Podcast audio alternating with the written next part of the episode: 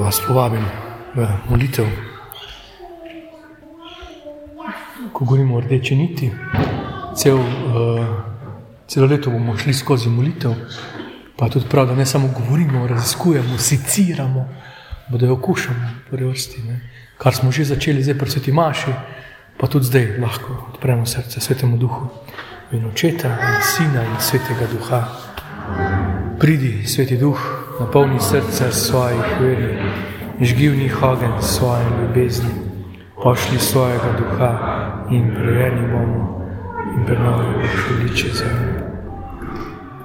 Bog, sveti duh, sin, oče, te prosim, večna skrivnost pride v nas, ti si ljubezen, da nam umevanje, razumevanje, obilje svojih darov za življenje, pa tudi v tem trenutku Gospod nas razsvetli. Slava Očetu in Sinu in Svetemu Duhu. Očeta in Sina in Svetega Duha. Današnji dan je posvečen tej misli o vrstah molitve. Pa ne bi šli tako pošolsko, kot uh, si predstavljamo, da bi to lahko. In sicer, ja, prosilna, zahvalna, slavilna, te molitve.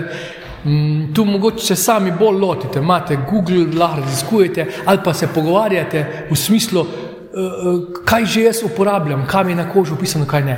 Uh, en vidik bi tu, torej ne bomo šli v to, to pot, malo drugače se bomo lotili, uh, bi pa vseeno povabil um, v to misel tudi telesa.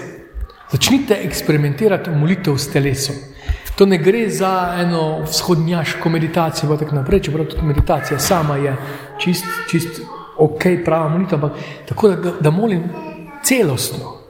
Zelo nerodno je, ne to tako, priješ domov, šihtar, kak je v redu. Ja, ni v redu, povej, kak je. Ne, v redu je. Ja, če ti na obrazu vidim, torej telo sporoča nekaj drugega, kakor besede. In zato je tudi nerodno, da pri telesu Gospod, zahvaljujem se ti za. Nisem vzdušil zahvale, vzdušil si potrtosti, gospod, težko mi je. In to lahko pristno molim, moli pristno. Zato je tudi dobro, da telo pristno moli. In ko sem vesel, naj tudi telo to izraža. Otrok to zmore, pa tudi mi, ko smo v neki varni družbi, to zmoremo, pri molitvi pa kar ne znamo. Zato vas vabim k, k prakticiranju teh različnih drž, to so lahko spontan, spontani načini ali pa dejansko programski. Pomeni, cel, tudi govorim za tebe osebno in govorim za vas. Torej, tudi vid vas, družino, boste mogli dati otrokom feeling tega. Čisto tak tipičen primer je, ko telo moli, sklenjene roke. Zakaj, kaj, ne, da, da spregovoriš o tem, kaj to pomeni, da osmisliš odprte dlani. Recimo, Malo čudno se počuti, jaz še zdaj imam težave s tem. Ali pa, aleluja, da ne veš, pojma nimam, pojma nimam, a, pojma, ne, ne vem, zakaj se gre, ne vem, zakaj se gre. Ali pa gre, ali pa gre ogen, ne, recimo eno veselje, viš pred otroci, ko jih razganja, jim ni problema, mi pa že. Na koncu je samo še tako malo, no, aleluja, že pojem. Ja, to je to, ni težava. Da res, Je pa, je, pa, je pa dejansko je pristna stvar, te tako, tako je pristna, tako se jaz to tako počutim malo in ni čist, ne, in v enem drugem okolju to zmorem. Ampak v družini pa, recimo, tak tipičen primer, šolski primer je, dajte si gr uh, Denzel Washingtona, na YouTubu imaš par takih uh, njegovih misli o molitvi in me je tukaj šokiral, to sem že omenjal, mislim, da sem ravno tu pripovedoval o tem, nekako se on prisil, da poklekne, rekel, ne kličim, Pri molitvi pa kličim copate, ja, točno. Copate si potisnem pot, zato da potem zjutraj, ko jih iščem, pokleknem. In če za copate pokleknem, pred Bogom ne bom klečal. No, recimo, zelo dobro se mi zdi, ko sem tudi se pogovarjal z eno familijo, da se kdaj pokleknejo, v krogu pokleknejo in molijo. Samo zato se moraš odločiti. To, to, to, to je težko, da se spontano zgodi. To mora biti ena odločitev, pa tudi ena osmislitev, pa ena vaja. Jaz ne vem, kako to. Je, zdaj, če imaš ti 8 let starega, ali če imaš 12 let starega, ali če imaš 13 let staro ali starega, je verjetno razlika. To vi veste, vi ste eksperti za to. Ampak, seveda, enkrat je treba začeti. In so recimo lahko posebne priložnosti, kot so prazniki, vsi sveti. Samo govorim o tem, ne vem, kako boste, ampak če vidva ne bosta. Aj otrok, težko.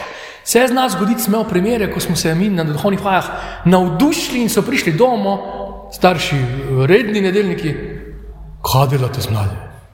Pa zdaj pa kleče tam v dnevni sobi. Mulci je bil pa tok, naj, ko, pa če bilo, ko vzame sveto pismo v roke, bom, bom klečal in je pristno, deset let star, enajst let star in, in mu je bilo. Staršem seveda niso te, te poti potovali, bilo pa tu je, čudno. To ne pomeni tako, moraš pa tako, ampak iščite poti. Ali pa recimo, ko, ko vzameš rožni venc, ne? ko vzameš rožni venc v roke, je to pač isto kot ključ ali kaj druga. Ne? Odnos do knjige, odnos do. do Ne gre za manikovanje, ampak kaj se zdaj, ko se zdaj spomnim bice, ko dala rožne venc čepe, pa da na ter. Meni je bilo to eno obdobje, pač sem opazil, drugo obdobje je bilo, ti pobožnjakari, ko ne vejo, kaj je. Jaz sem takrat 16 let, 17 let star, to je bilo, mi vemo, mi razumemo. Jaz sem ja, nič nisem vedel, delal sem se, da, kasneje pa tudi vidiš, ne, bila je pristna pobožnost. Ampak to telo moli, naj bo pristno, karkoli je. Ne, tudi, kaj sem tudi te delčke svete maše, od pozdrava miru. Tudi v večerno kesanje, da si pa izrazimo odpuščanje. Mislim, čez dan sta se stepla, A ni lepo, da se zvečer lahko recimo date roke, pa celo objavite. Vse ste se že prej spravljali, ampak zvečer pa molitveno, obredno, pa vsi, vsak vsakim, torej telo moli. Zdaj pa tako, da pa naprej. Tako kot v odnosu do narave, v odnosu do živali, v odnosu do zdravja, za vsak zauzema neko držo, nek način. Zdaj, in tudi glede molitve lahko. A sem rekreativc, molitveni, sem redni rekreativc, a sem športnik za molitev. Jaz tudi, ko sem kripl zdaj, si dobe ne upa reči, da nisem športnik. Bolj za ne. Uh, a ne, uh, a sem tisti, ki pač plačuje članarino, hodi na gasilske veselice, pa se ima za gasilca. Um, ali je častni član, ali, je, ali si borc, ali si bojevnik, ali si samohodnik, ali si timski človek, ali si kulturnik, ali si politik. Ti drže, ki so. Ali živiš kot tisti, ki skrbi za lepši jutrišnji dan, za lepši jutri, za boljši svet. To so razne motivacije za molitev, kako držo zauzameš. In ena izmed, ena izmed ki jih nismo uporabljali, je pa uh, molitveni bojevnik. To ste, če ste malo ta zahodni svet spremljali, tisti, ki se vnemajo, predvsem lajki, ne, verniki, večkrat zauzamejo držo molitvenega bojevnika, zato ker je svet tako nenaklonjen družini, vrednotam, krščanskim in podobnim, in da dejansko so začutili, da mora biti kot bojevnik v svetu. Tisti, ki, a pa stražar, torej ne tisti, ki hodi na vojne pohode, ampak tisti, ki čuva, ki brani, da molitev kot taka. Uh, point pri molitvi, da malo povežem s prejšnjo, prejšnjim mesecem, je povezati se z Bogom. Molitev je tista, ki me povezuje z Bogom. Torej, gradnja njegovega kraljestva, priznanje njegove slave. To je to. Da bliže, ko pridem, ko hodim po svetu, pa kdo reče: Wow, mislim, kako lepo mesto pa to. No, in zdaj, ko prideš do Boga, toliko bolj občuduješ in to je božja slava. Graditev njegovega kraljestva je občudovanje njega samega. Mm. Naslednja točka, takoj v isti sapi, pa je molitev za potrebe bratov in sestra. To je samo naročilo Jezusa Kristusa. Um, in molitev, glede na to, kaj je Jezus položil v to molitev, torej v ta odnos z Bogom, da je možnost, ima izjemne moči ne bi govoril o čarobnih močeh, ampak že mi med sabo vidimo, kaj beseda zmore. Jakob, svetem pismo pravi tam, ne, jezik je zelo mali, pa lahko povzroči ogromne požare ali pa ustvari mir. In tudi vidimo, ne, kaj so nekateri zmogli z besedo, z malo drugačnim načinom besede. To, meni, to je položeno, eh, ne bi zdaj o diplomaciji, pa o tehnikah, pa to, o molitvi. Izivalno rečem, da si celo Bog premisli. Pri kakem svetniku bereš, neko tako reče. Ja, smo molili, pa si celo Bog premislil. Pa vse tem pismo to najdete. Da zgleda, kako da bi si Bog premislil. Ampak to je tako pa danes, ko sem stal v dobu. Ne? Stavil sem se, da je ne prišel od mladih in so mladi šli v akcijo, da so te mlade predobili, bi se sem kao zgubil stav, bi se sem dobo stav, ker sem želel, da pridejo, tiste čokoladice bom že dal, jaz sem zmagal. Čokolado sem zgubil, samo jaz sem zmagal. In tak Bog si premisli, v bistvu namenoma si premisli, da tak tako on zmaga, ker je tak stvar boljša za nas in za večjo slavo Božjo in življenje srečnega, polnega, uh, polno življenja človeku. Okay.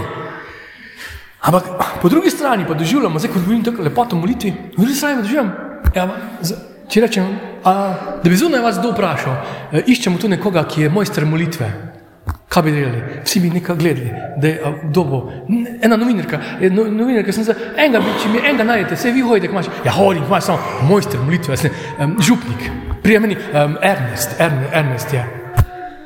Kdo je mojster? Ker ni tako enostavno. Ne zato, ker bi se zgovarjali, samo kdo si upa reči, da je mojster molitve. Če že to, recimo, da reči, mojster družinskega, obvladovanje družinskega prepira, mm, jaz ga lahko povzročim, da ga pa obvladam, pa težko je reči, mislim, a ne, v resnici je težko reči, jaz sem pa mojster molitve. Kdo bi to rekel lahko, ne? Um, ker, ker ni tako enostavno, ne? torej zdaj kako kak molim. Ehm, ne gre za to, da bi obvladali sistem. Ker ne gre, da bi obvladali, ker potem pride do, do farizejskega načina, tak, tak, tak, in Bog je pre, dolžen to narediti, in v bistvu je to magija. To je magičen način gledanja na Boga. Rečem take besede in Boga pristilim, da to naredi. Hokus, pokus in od tod prije to čaranje. Čisto kratko, molitev je ključ, ki odpira nebesa. To je na, po božji besedi, to je dejstvo. Je priložnost, da komuniciramo z Bogom. In še nekaj, zapomni si, vsakič lahko občutim njegovo bližino.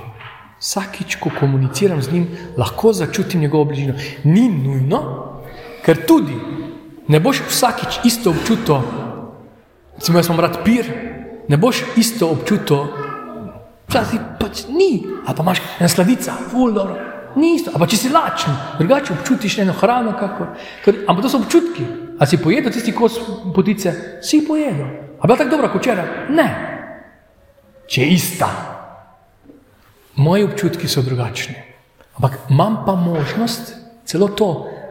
In to ne na, na lažen način, da dejansko začutim Boga, bližino Boga. Kak neverjeten privilegij je to. Peta Mojzesova, 4-7. Kajti, kateri velik narod, narod ima tako blizu Boga, kot je Bog, naš Bog, da ga lahko kličemo. To je noro, v bistvu. Tako sem danes, ko sem tam ob krstu razmišljal, se to je res noro. Čakaš, celo življenje čakaš vrsti, pridi, oh, ker ven z vrste, ker pridi, ti si moj. Jaz tega pa poznam.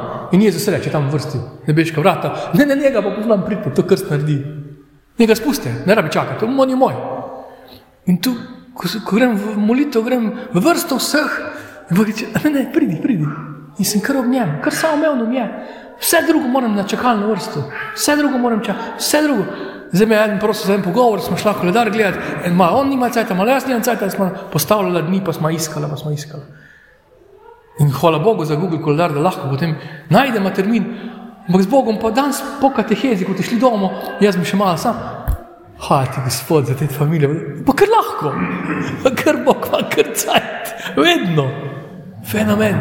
Se res je čarobno, res je privilegij. Pa s poklumprano molitvijo. Mi smo iskreno molili, ker, ker, ker sem hvaležen za ta današnji dan, pa to, pa pa že, jo, jutri imam pa to, in ga že pustim na čakanju.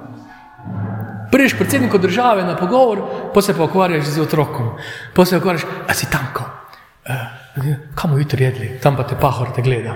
Ti pa um, bom počakal. Jaz mi se pogovarjam, le kak si se oblekla. Pa, kaj, kaj, tam si popacan. Predsednik pa zraven stoji. No to je naša molitev. Bog zraven, jaz pa razmišljam to, pa ono pa reče, a ja, pardon, uh, Bog, ja, spet, spet rata, iskreno molitev, pa spet. Pa to je privilegij, on ne učita. Tako kot otrok, ko pride mama, mama, mama, pa je zraven. Pa spet gre. In mama ni zaradi tega manj vredna, ker se otrok z drugimi smrni zanura. Fajn se ti zdi, če le zanura, pa je srečen, pa barva pa piše, v redu, pa gre dalje. Kak privilegij je biti z Bogom.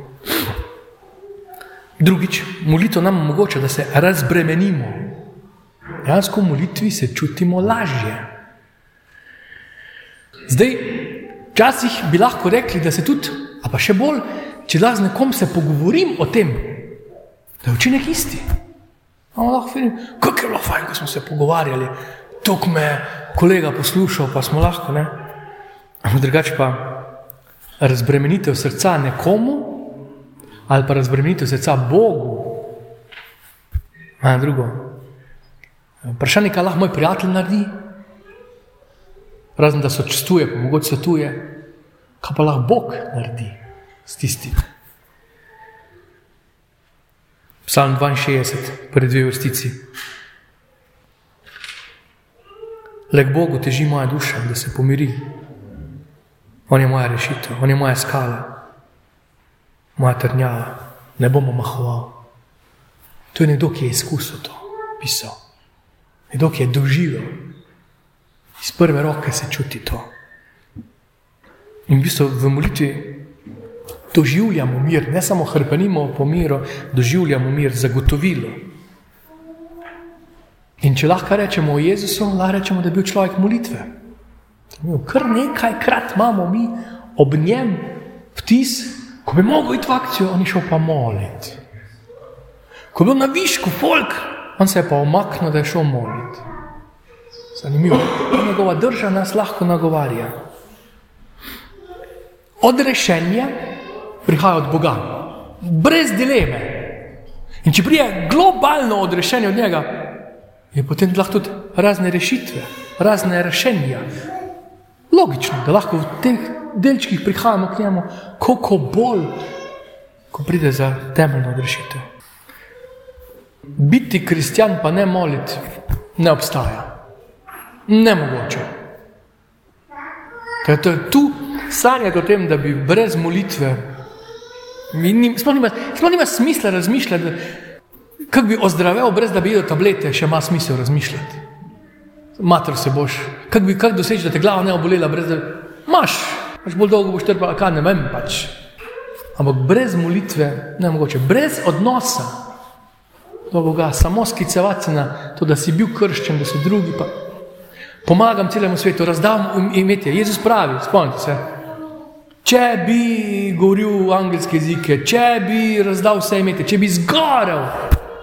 Ljubezen je pa odnos, ljubezen ni puhlica, ljubezen ni čustvo, je odnos. Če nimam ljubezni, če nimam odnosa do Boga, mi nič ne koristi. Pogre pa v konkretnosti. Prva stvar tu, eh, zdaj, ki, ki nas dela razpoložljive, je molitev v skladu z Božjo voljo. Mi večinoma rišemo okoliščine, da bi Bog naredil svet in okoliščine take, da bodo po naši meri. Da je zdravje manj otroku, da je mi v službi to, da bi oni to, to spremeni to, spremeni to, spremeni to, spremeni to, spremeni to. Spomnimo se Jezusa v Gecemanju. Pravičeno bi prosil, da bi se okoliščine spremenile odvzemi ta kelih, ampak v isti sapi doda, ne, po moje, po tvoje oče. Ti imaš načrt, ti vidiš, zakaj. Ti vidiš celo sliko. Jaz vidim samo to senco, zdaj, oh, zime me, strah me je. Ne.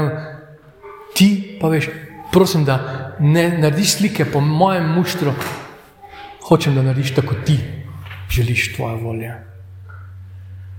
Torej, skladu z božjo voljo, ne z mojo voljo. Jaz se ne grem pogovarjati, zdaj se bomo pa vsi pa se bomo pogovarjali. Že imamo poslušati, ki ima tiho biti, pa da bo tako je rekel ali pa tako je rekla. V skladu z njeno ali pa z njegovo voljo. V redu, se ugasnem, že sem tiho. Z Bogom ni tako. Lahko izrazim svoje želje, se, se prav, da molimo za zdravje, prav, da trkamo, prav, čist prav. Ampak ne da bi svet spremenil po naši meri, svet mi že delamo po naši meri. Iz ene vojne v drugo vojno, v tretjo vojno. To je po naši meri. Se vojne, do mene verske vojne ni Bog začel. Čisto vedno je začenjamo mi iz ene nemoči. Zdaj pa, ok, to je jasno. Po božji meri.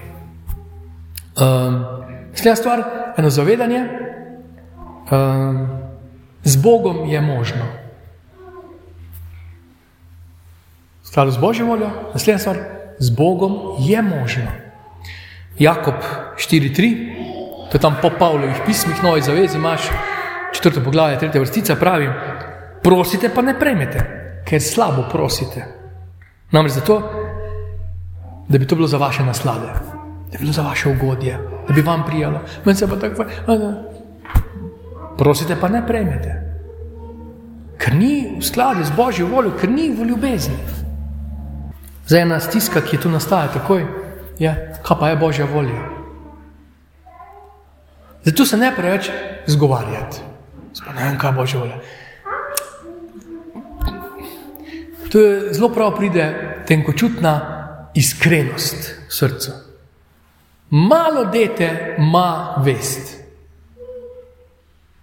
Slušaj vest.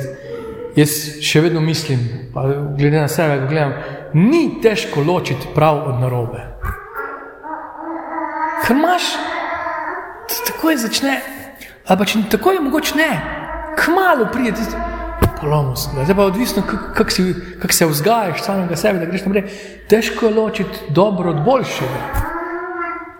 Težko je ločiti boljše od najboljšega. Tam je pa težko. Jaz imam en kup dobrih ministrantov, jaz me bi pasalo med boljšimi. Imam pa po svoji meri. Sej, ne gre pa tukaj. Ali pa futboler, pač.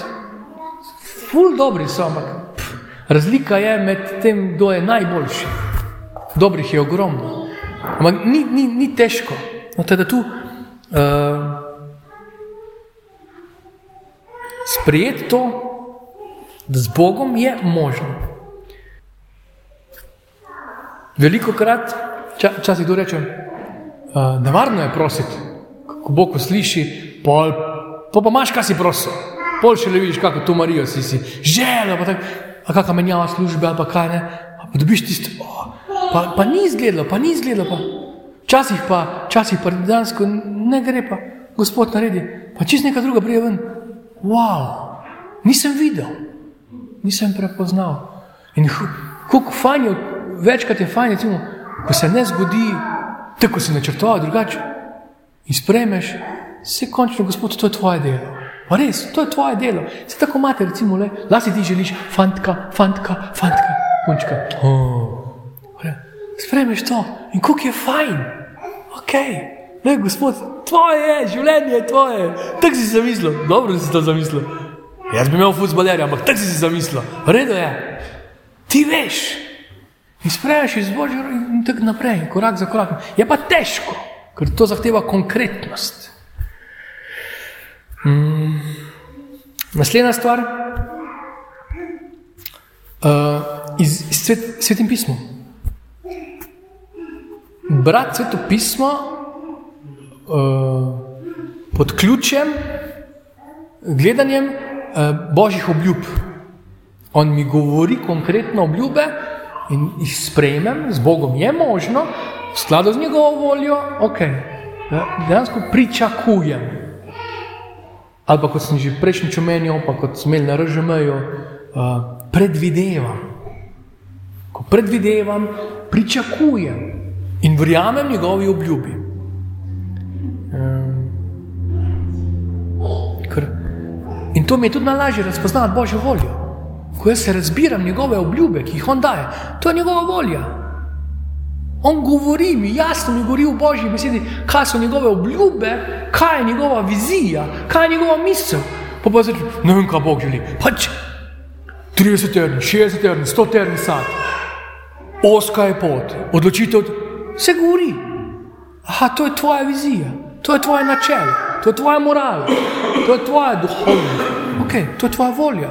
Skladu s tem. In bolj, ko se poglabljam v to, bolj jasno mi je. Molitev za naprej. Uh, zadnji teden, stopamo zdaj v zadnji teden crkvenega leta, z prvo advento stopimo v novo leto, ob koledarskem novem letu, kar se spomnite, koliko gledov je naprej, kako bomo v prihodnosti, pa to.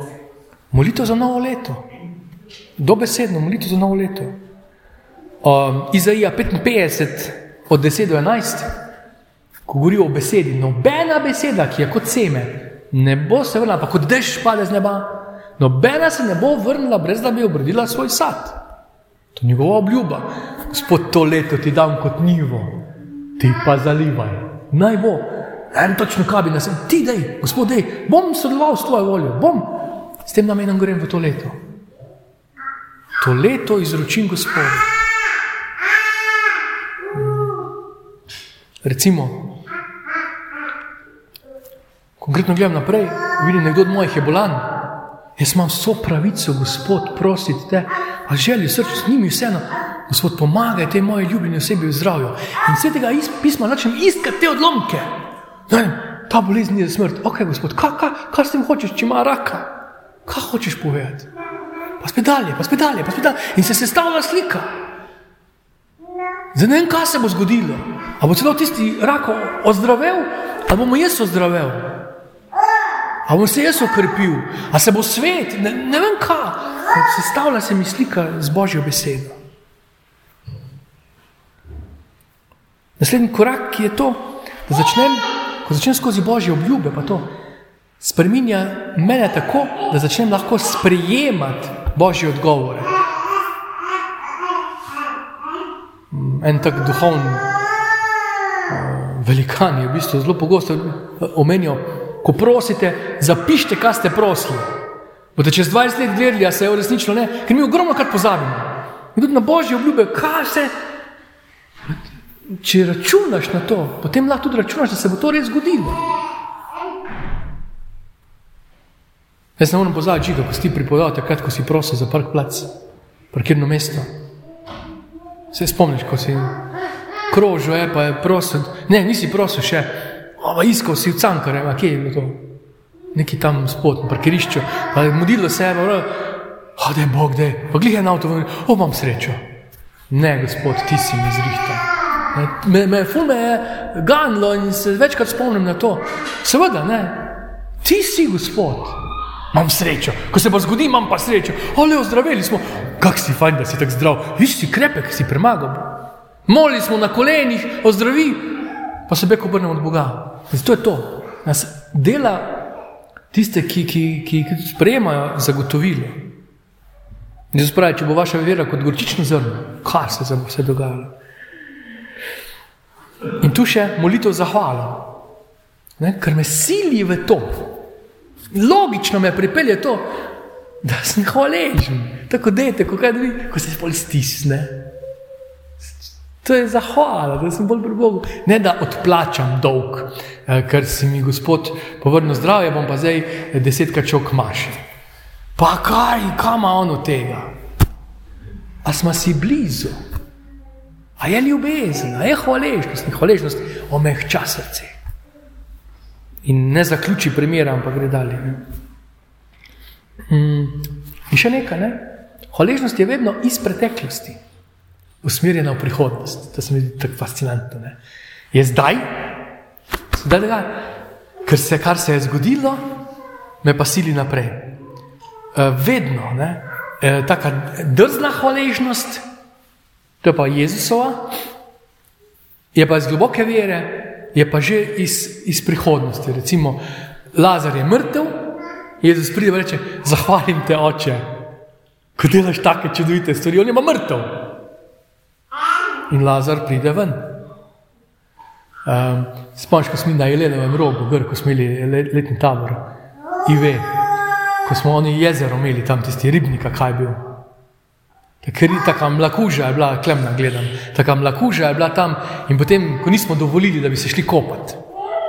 In potem nedeljski maši, tri dni je bil še tabora, mi nismo vodili, nismo dovolili, pa so pa domačini tudi prišli k maši, lastniki tistega in potem ena moli na koncu. Hvala, gospod, ker nam bodo vodili danes dovolili, dovolili, da se lahko gremo kopati. In tako, domačini, o, fajn, ja, in smo mogli dovoliti, in se je zgodilo. Ampak on, on, to ni bila provokacija, jaz, jaz, jaz sem res doživel, tudi so verjeli in se je zgodilo, naprej se je zahvala in se je res zgodilo. In ne morem pozabiti, kako tak, taka drzna zahvala tudi v prihodnosti. In še nekaj, kar se s to hvaležnostjo dogaja, se čutiš, da je Bog zvest. Ni samo tisti, ki bi lušte delal po lepem življenju, ampak dela to. Ma kjer starš ne bi hotel otroku dobro? Samo otrok ne čuti, ne za bo župco pojedel. Ja, pa jaz bi igrače, za bo župco. Ah, me nima rad. Tako mi doživljamo to. Bog je zvest.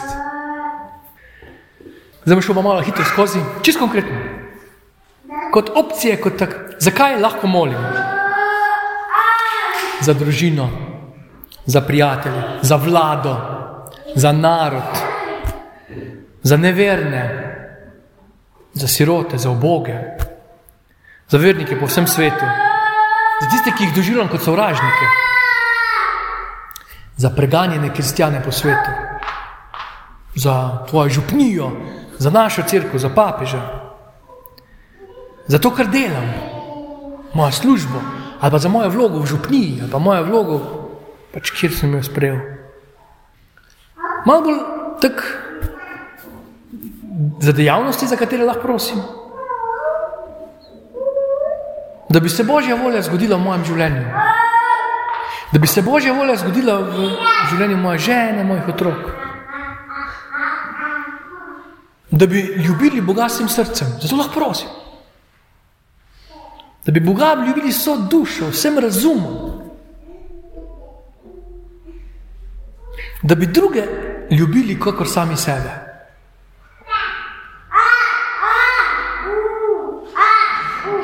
Da bi se veselili Boga. Molimo nas za to, da ne bi Boga postavili na drugo, tretje, osmo mesto, na prvo mesto. Da bi na druge mislili prej, kakor pa nase. Če govorim za družino, pa to, recimo za otroke, so zakaj bi lahko molili? Da bi čuvali svoje srce, da bi bila čista misli, da bi čiste, da bi imeli željo po pravičnosti, da bi imeli ljubezen, tako kot je Korinčanih omenjena, prvo pismo Korinčano. To ne bi bila poročna poezija v resnici, da bi poslušali gospodov glas, mu sledili, da bi se odzivali na svetega duha, na darove svetega duha, da bi sprejemali božja sporočila da bi omehčali srca, da bi bili občutljivi za greh, da bi priznali svoj greh Bogu, da bi obrodili darove svetega duha, da bi imeli hvaležna srca, tudi naša usta, da bi bila hvaležna, da bi se predajali Bogu, da bi prenovili svoj um z Božjo besedo, da bi brali sveto pismo, da bi molili sveto pismo da bi k Bogu prihajali najprej z svojimi skrbmi, ne k drugim. Da bi mislili take misli, ki Boga častijo, da bi z resnico utišali laž, da bi bili močni, pa nežni voditelji, da bi odpuščali, da bi gradili edinost z drugimi, da bi govorili o Bogu drugim. Da bi dopustili, da se Božja moč kaže v šibkosti, naši šibkosti, da bi bili počasni za jezo, počasni za govorjenje, da bi bili dobri poslušalci, da bi svet okazali Kristusovo ljubezen, resnico, da bi ukrepili vero. Še 30 stvari sem si pisal.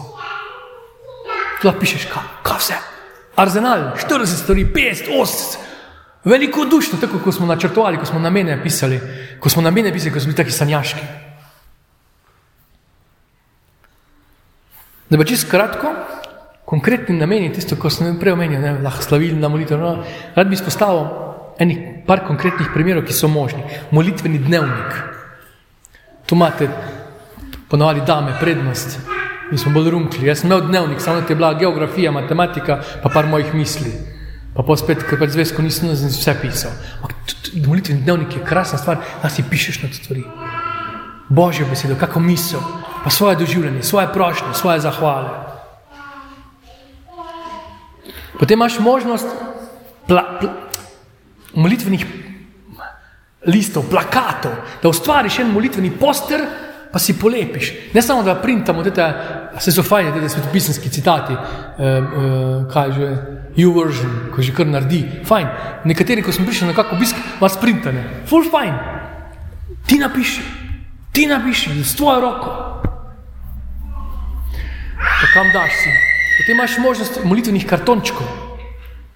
Lahko redno delaš, pišeš, torej, da si citat z božje besede zapišeš, pa imaš, ali imaš denarnice, kjer imaš, imaš blokec, vsak dan si napišeš, pa redno pišeš enkrat na teden, ali kakorkoli, ali pa nedeljska božja beseda, kjer je misel iz božje besede, pisal si božjo besedo, že to. Kumrano so našli se zvitke. To so bili menihi, ki so prepisovali božjo besedo. In so, to je bil njihov življenjski poklic, prepisovanje božje besede. Že to, ko boš pisal, ko napišeš besedo Gospod ali pa Bog, da z enim takim veličastnim čutkom to narediš. Te kartončki so zelo praktični. Ah, daš, lahko ga prepišeš na ogledalo, si daš, kjer vidiš v avtu nekje, si pišeš. Sem bil predan, ko je psa treniral, imel polno listkov, kako se psa trenira. Ne bodi popustljiv, bodi dosleden. Če za psa, za sebe, kako bolj za življenje. To se ne, to, ti listki niso namenjeni otrokom, pa, pa ženi, pa moji, ampak tebi. Če ti pišeš, je tebi namenjeno. Ne spreobračaj žene ali pa moža. To je tvoj ljubezenski odnos do Boga. Um, zadnja stvar bi pa dal en taka, mi je bilo zelo zanimivo, sem šel bolj raziskovati, čečkanje. In že kar brskati, zato ker sem takoj prepoznal vse, uh, namreč moji uh, zvezki so bili zelo počečkani srednji šoli. Ko sem poslušal, na koncu ure je bilo celi robovi, so bili počečkani, pa narisani, pa popisani. V bistvu mi je, pa, pa to ni pomenilo, da nisem pri stvari, včasih sem celo zelo, zelo poslušal, nastali so pa izjemni ornamenti, senčenja, rože, pa ne kaj vse, kakšne oblike so bile, take mini mandale, ki so nastale. Jaz sem pa bil osredotočen na predavanje. To je pa nastalo. In tu ena, en način molitve je prav tako, svetujejo. Uh, sem pozval, kako doodles, kako se reče. Že, uh, uh, da v bistvu imaš možnost, recimo, kako boš videl, ki si slišal, kaj ti odmeva. Potem zapišeš, če mu stopi. Danes recimo bilo, meni je, meni je ganila ta beseda vstopi. Tisto, ne poznam vas, pa vstopi v veselje. In vstopi v veselje, vstopi v veselje z lepimi črkami. In potem, ko, ko poslušaš Božjo besedo, recimo, da jo kdo bere, pa si jo daš gor na, na, na telefon, da jo poslušaš, ali pa jo kdo bere, tipa, ali pa otroci lahko delajo, barvice. In glede na to, lahko rišejo, pišejo, čečkajo, lahko mine čas. Jaz ne vem, kako bi se jaz tako obnašal, če bi bil pubertetnik, pa bi to začeli, ampak ena izmed opcij je. Ali pa če moliš za koga, za koga bi molili? Za brata, napiši za Mihana, Mihana. In potem, ko, ko molim, lahko razmišljam, zakaj in lahko barvice rišem. Cel list lahko da nek miselni vzorec, ornamentov, znamen, mi smo s tem čečkanjem. Jaz nisem neosmerjen, jaz sem zelo pri stvari. In lahko bi se preko molitve, preko molitve lahko ustvarjam, v bistvu taka mini, taka delavnica, ustvarjalna delavnica. Zadnja stvar, glede molitve, Um, da si čist preprosto, mislim, ok, predzadnja, razne aplikacije. To sami, to pobrskate. Obstajajo razne aplikacije, bolj kot ne v angliščini. Če bomo ustvarjali, bomo na, bo, zakaj ne bi mi ustvarjali ene aplikacije v slovenščini? Mislim, zakaj ne? Kaj nam preprečuje? Se niso firme, ki to angliške aplikacije delajo, to so skupnosti, ki so ustvarjale take aplikacije ali pa združene. Zato, ko sem že lani omenil, tiste um, mother, bear, bear mothers. To so bile ženske, ki so začele blogati, pa so se pa povezale, torej mame, ki zaščitijo svoje družine z molitvenim življenjem. So se povezale iz cele Amerike in ustvarjale nevrjetne članke. Trgovino so ustvarile. Uh, tako, full material, tako koristen. Uh, no, zadnja stvar pa, nastavi si opomnik. Alarm si ustvari. Opomnik. ali zato, da boš kaj pisal, ali da boš bral, ali da boš svetopismo vzel v roke, eh, že, že YouVersion, torej svetopismo že ima, da ti vsak dan vrže Božje besede gor, kako mislo ti vrže gor, ali pa molitvene naveze, ki, si stvar. Pač to je stvar, kak boš naredil. In zadnji stavek, to je to. Uh, konc maše je vedno ite, misla jaz pomeni, zdaj pa pojdi, zdaj si pa poslan. In to je to, zato sem rekel, to je to. Zdaj se začne tvoje bojevniško molitveno življenje. To ni, vi niste navadni, priložnostni, rekreativci v molitvi. Vi ljubite Boga in ljubite svoje družine, in na ta način ste molitveni bojevniki. Pa vam res privoščim tak, tudi zdaj tako lep pogovor, v družinah, da da bi tudi v družinah lahko okušali lepoto in moč molitve. Slava očetu in sinu in svetemu duhu. Slava očetu in sinu in svetemu duhu. Slava očetu in sinu in svetemu duhu. Amen.